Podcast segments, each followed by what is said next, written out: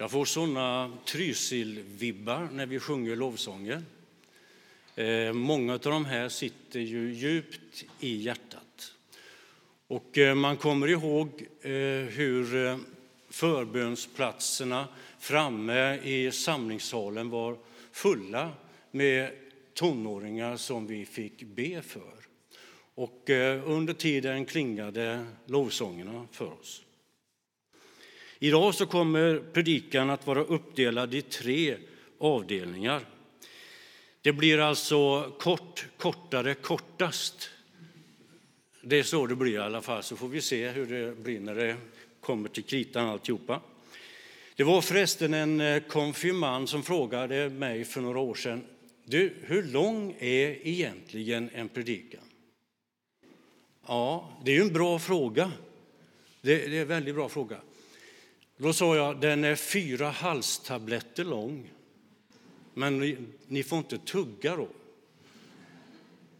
Ungefär så. De här, den här texten den är ju full med eh, känslor. Man brukar ju säga att man ska inte bygga något på känslor.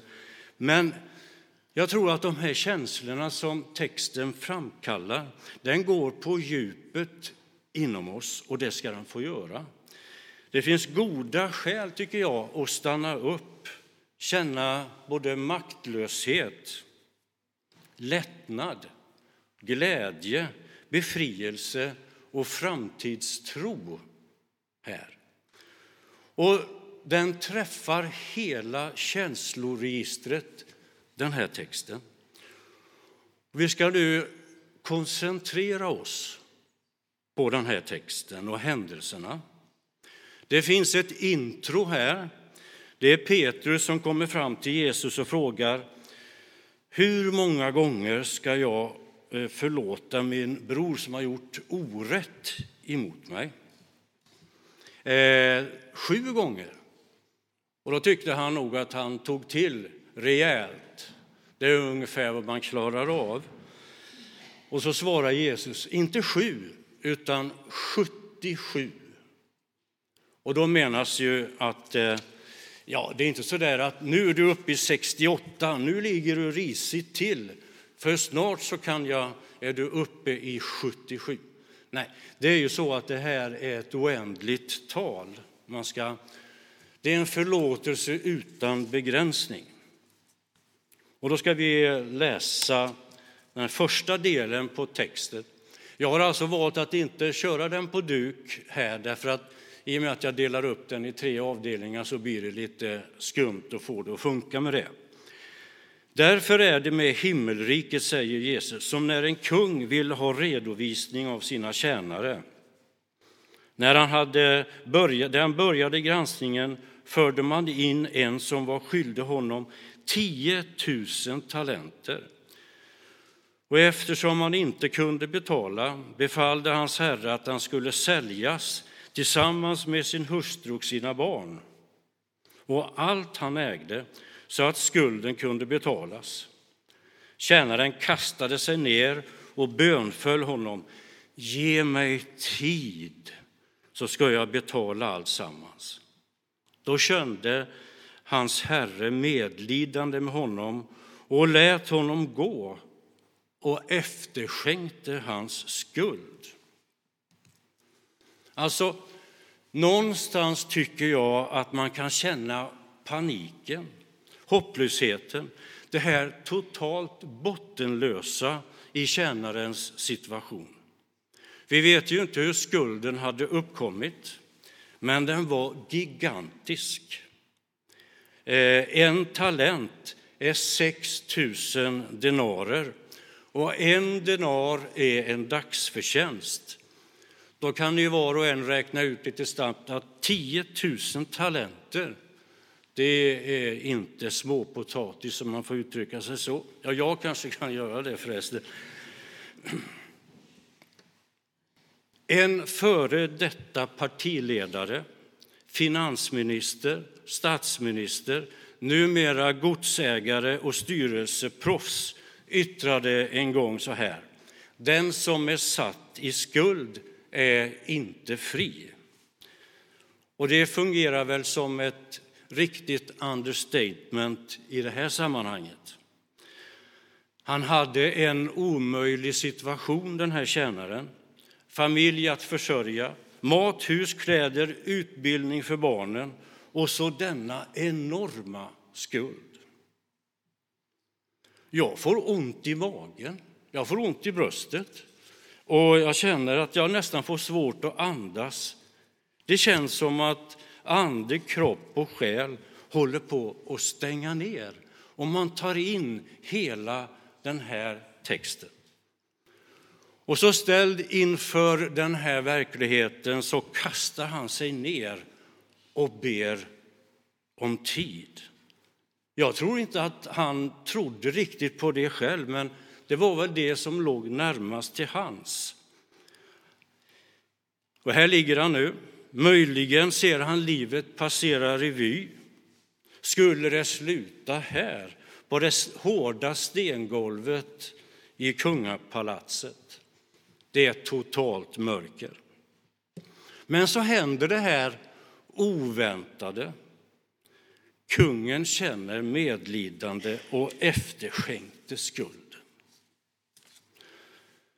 Tänk tanken, låt dig ryckas med i den här fantastiska verkligheten. Springa hem till hustrun, krama om henne och lyfta henne och jubla och dansa.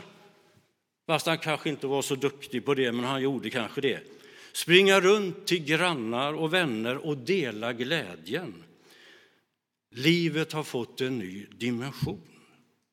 Det finns ett före och ett efter den här befrielsen. Men lyssna nu vad som händer.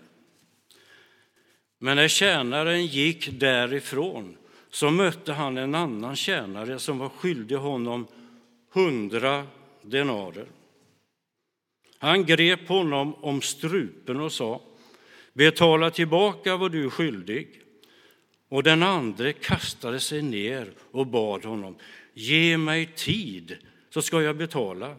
Men han ville inte, utan han gick därifrån och lät sätta honom i fängelse tills skulden var betald. Så plågsamt, så brutalt. Det gör faktiskt också ont i ande, själ och kropp. Kräva in en struntsumma av sin kamrat. Vad är det som händer egentligen? Är det ens möjligt att tänka på och kräva in en skuld när han har fått det här efterskänkt? Tänkte han skaffa sig en penningbuffert på kamratens bekostnad? Tänk om det här hade hänt istället, och det är inte ett enda dugg långsökt egentligen. När han hade träffat sin kamrat, då säger han, ta med dig hela familjen och kom hem till oss ikväll och så ska vi äta och ha det trevligt tillsammans. Och när man hade ätit och druckit gott och kommit fram till kaffet så drar han fram skuldsedel på hundra denarer. Och under en kort sekund så kanske tjänaren nummer två tänker, aha, var det ändå en hake med den här underbara måltiden? Vill han påminna mig nu? Eller vad är det frågan om? Men värden tar fram skuldsedeln, river den i småbitar och framför kompisens förvånade och tacksamma ögon så faller de här, den här iturrivna skuldsedeln till golvet. Vänner för livet. De har delat samma upplevelse. Att ha en skuld, att få den efterskänkt och få leva sitt liv i tacksamhet och befrielse. Och det hade ju kunnat vara början till en kedjereaktion med befriade och tacksamma människor. Nu ska vi läsa slutet på den här eh, texten. När de andra tjänarna såg vad som hände så tog de mycket illa vid sig och talade om allt sammans för sin herre. Då kallade denne till sig tjänaren och sa, din usling, jag efterskänkte hela din skuld när du bad om det. Borde du inte ha varit lika barmhärtig mot din kamrat som jag mot dig? Och i sin vrede lät hans herre bödesträngarna ta hand om honom tills hela skulden var betald. Så ska min eh, himmelske fader göra med var och en av er som inte upp, med uppriktigt hjärta förlåter sin broder. Ja, den här texten har ju inneburit mycket av en berg och dalbana, skulle man kunna säga, av känslor. Ruskat om oss lite grann på söndag förmiddag. Eh, och det kanske vi kan få leva med en liten stund. För det här var del ett av predikan, den längsta delen. Nu sjunger vi psalm 231 tillsammans.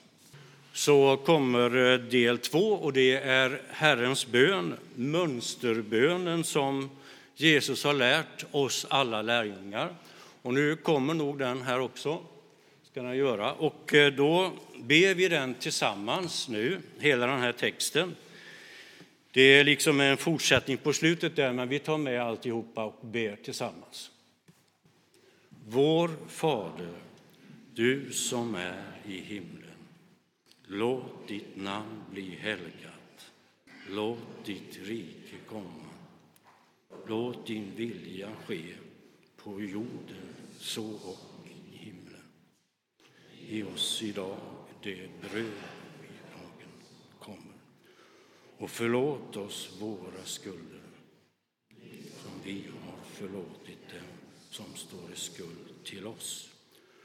Utsätt oss inte för prövning, utan rädda oss från det onda.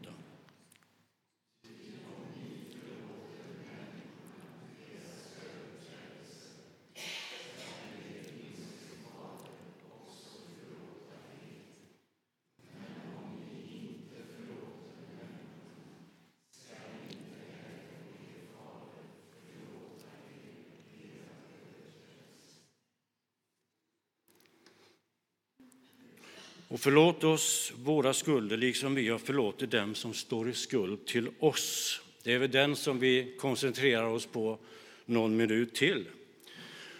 För några minuter sedan så fick vi ett drastiskt exempel på att få en skuld efterskänkt.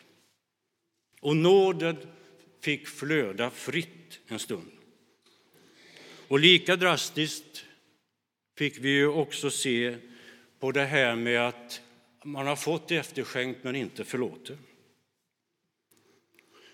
Man kan säga så här, en bön om syndernas förlåtelse det är ett erkännande att det inte finns något annat sätt att bli fri från sin synd och skuld. Det är därför en bön om nåd, och det har vi ju alldeles precis sjungit om. Vi blir inte förlåtna därför att vi förlåter andra. Men när vi förlåter våra medmänniskor så är det en följd av att vi har fått nåd och att vi delar den nåden vidare till andra. Och om vi har fått efterskänkt och fått nåd, hur skulle man kunna leva i harmoni och inte förlåta och ge nåd i vår tur? Det kanske finns eh, olika svårighetsgrader på det som ska förlåtas. Det finns ju smått och stort och sådär. Det som andra tycker är skitsaker kanske för mig är precis något annat och tvärtom. Och så kan man ju säga förlåt på olika sätt och lägga mycket, olika mycket allvar i det. Förlåt då. Jag kunde ju inte veta att du var så känslig och inte hajade det här med satir och sånt. Förlåt då. Och sen med hela kroppsspråket visa att egentligen var ju det den andre som hade dragit igång det här och var skuld till det. Och så kan vi råka på människor som ständigt gör en massa dumma grejer. Det kan vi nog räkna upp om vi tänker efter. Eh, kanske gör det slentrianmässigt sen att be om förlåtelse, men aldrig ändrar sitt beteende utan fortsätter. Jag vet inte om ni har sett Gudfadern-filmerna i repris. De går ju på rätt många streamingkanaler nu. Och eh, där är ju ibland biktstolen och Fader, jag har syndat eh, i blickfånget. Samtidigt som eh, Gudfadern och andra skurkar sitter vid biktstolen och säger just det här, Fader förlåt mig, så begås det våldsbrott ute på stan som eh, den som sitter där har beordrat. Och sen ibland är det så praktiskt så att de ber om förlåtelse i förskott för det som inte har hänt. Det är ju rätt fint för, ur deras synpunkt då, att då har man lite att gå på så att säga. Men det kanske inte är det som är meningen med bikten. Annars så tror jag väldigt mycket på det här med bikt. Att få erkänna, få befrielse och kunna gå vidare istället för att leva med så mycket synd och skuld som man tycker man har, det gnager. Generellt bär människor på mycket mindre skuld i de katolska länderna än vad vi här har som är i de protestantiska. Det kanske vi kan fundera lite på. Och så ska vi förflytta oss till eh, Bålänge 1955. Då var jag fem år. Och eh, konsekvenstänkandet var in, kanske inte särskilt utbyggt på mig och mina kamrater då. En tant på hörnan hade tvättat sina vita lakan och eh, lagt dem i badkaret. Det fanns ingen tvättstuga på den tiden, den fick man fixa själv hemma i badrummet. Och så hade hon fönstret öppet. Och vi killar vi tyckte att det här med att ta upp lite jordkoker och kasta in det blir en väldigt fin kontrast. Fast vi kanske inte tänkte så, men vi, det, det blev ju faktiskt eh, konsekvensen. Vi kastade in jord. Och så gubben ut. Han hade inte kunnat röra sig så mycket tyckte vi förut. Nu hade han en ansenlig hastighet och eh, sprang nästan ifatt oss. Och vi körde upp så fort vi kunde i det största trädet som var alldeles intill. Och han stod nedanför och skakade trädet. Alltså, tänk den känslan när man satt där uppe och vetskapen, här kan jag inte sitta hur länge som helst för snart gör sig olika behov påminda. Men vi satt där och eh, vi, han försvann och vi ålade ner för trädet tyst och ner i ett litet dike och fram till eh, huskanten, husknuten. Tjo, sa det bara. Två nävar i nackskinnet på oss båda. Alltså, tänk den känslan. Jag kommer inte loss. Vad tänker han göra med oss? Tänker han ta den ena och slå den andra eller vad, vad har han för planer? Men han sa bara så här. Jag vet vad ni har gjort. Det var inte bra. Min fru har väldigt ont i ryggen. Det har tagit lång tid för henne att fixa den här tvätten. Och ni vet hur det ser ut nu. Nu går det upp till era föräldrar och så berättar ni vad ni har gjort. Och så släppte han oss. Och vi sprang upp. Och jag tänkte på vägen upp, ska jag verkligen berätta det här? Alltså, det är inte konstigt om man ställer frågan, eller hur? Ska jag det? För jag vet ju vad som eventuellt kommer att hända, konsekvensen av det. Men då sa min morsa, nu går vi till dem. Och så sa hon namnet på dem, jag har glömt det. Och eh, så får du be om förlåtelse för det. Jag bryr mig inte om vad, vad Tommy, och den andra killen, vad han gör. Men du ska be om förlåtelse och göra det så att du känner att det känns bra. så du kan leva med det. Och det gjorde vi. Men när man öppnade dörren och såg gubben där inne, då kände jag fortfarande det här greppet i nacken. Men när jag hade sagt förlåt och sett att de förlät mig. Det är någonting som jag har fått eh, ha med mig som något sätt ett mönster för livet. Och jag är glad att han tog det där greppet och sa det här så att vi fick göra det. Och då var det slut på nummer två. Och så sjunger vi 465 tillsammans, eller hur? Eh, snart så kommer vi att ha det som vi kallar för din stund. Och jag vill ta med sinnesrobönen och det som är också som vi har bett tillsammans, vår Fader, och lägga det som ett raster på vårt liv på något sätt. Gud, ge mig sinnesro att acceptera det jag inte kan förändra, mod att förändra det jag kan och förstånd att inse skillnaden.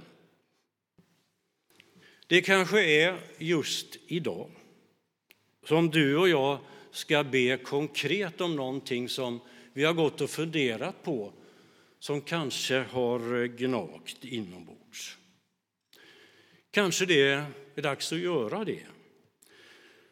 Det kan hända att vi resonerar så här. Jag har fått förlåtelse av Gud, därför vill jag förlåta och så namnet på den eller dem. Och så kanske det är några som känner att jag är osäker på om Gud verkligen har förlåtit mig, kan förlåta mig och vill förlåta mig. Eller så säger någon annan, jag skulle vilja få förlåtelse av Gud och därför på djupet kunna förlåta den och den. Och så kanske någon säger, jag har fått förlåtelse av Gud, men jag kan inte förlåta mig själv. Hur ska jag gå vidare? Och ehm, Nisse kommer att introducera förbönen här alldeles strax. Men just det här med att ge och få förlåtelse kan ju vara ett tema idag. Men du får naturligtvis ta upp vad som helst. Det är ju alltid så att det är fritt fram att tala med Gud.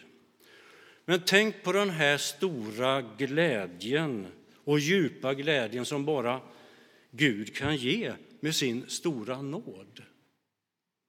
Att bli skuldfri och kunna gå vidare i livet. Amen. Och tänker jag att vi ber eh, nyingbönen tillsammans. Det kan vi många av oss. Käre Far i himlen. Tack att jag finns till. Hjälp mig leva riktigt, göra det du vill. Oss här på jorden, tycka om varann. Låt oss få en framtid skyddad av din hand. Amen. Och jag kommer att göra så att jag sätter mig här på dynan och eh, är det någon som eh, vill eh, komma, sitta bredvid mig och resonera om något som ur dagens text, det vi har sjungit, det vi har hört, Eh, så får du göra det. Du kanske vill ha välsignelsen bädd över just dig. Då är det den möjligheten. Och det är så många olika saker som vi har inom oss. Man behöver inte känna sig ett enda dugg uttittad, tror jag, om man går fram och sätter sig där. Utan det kan vara en naturlig följd. Jag har fått förlåtelse, jag vill dela det vidare.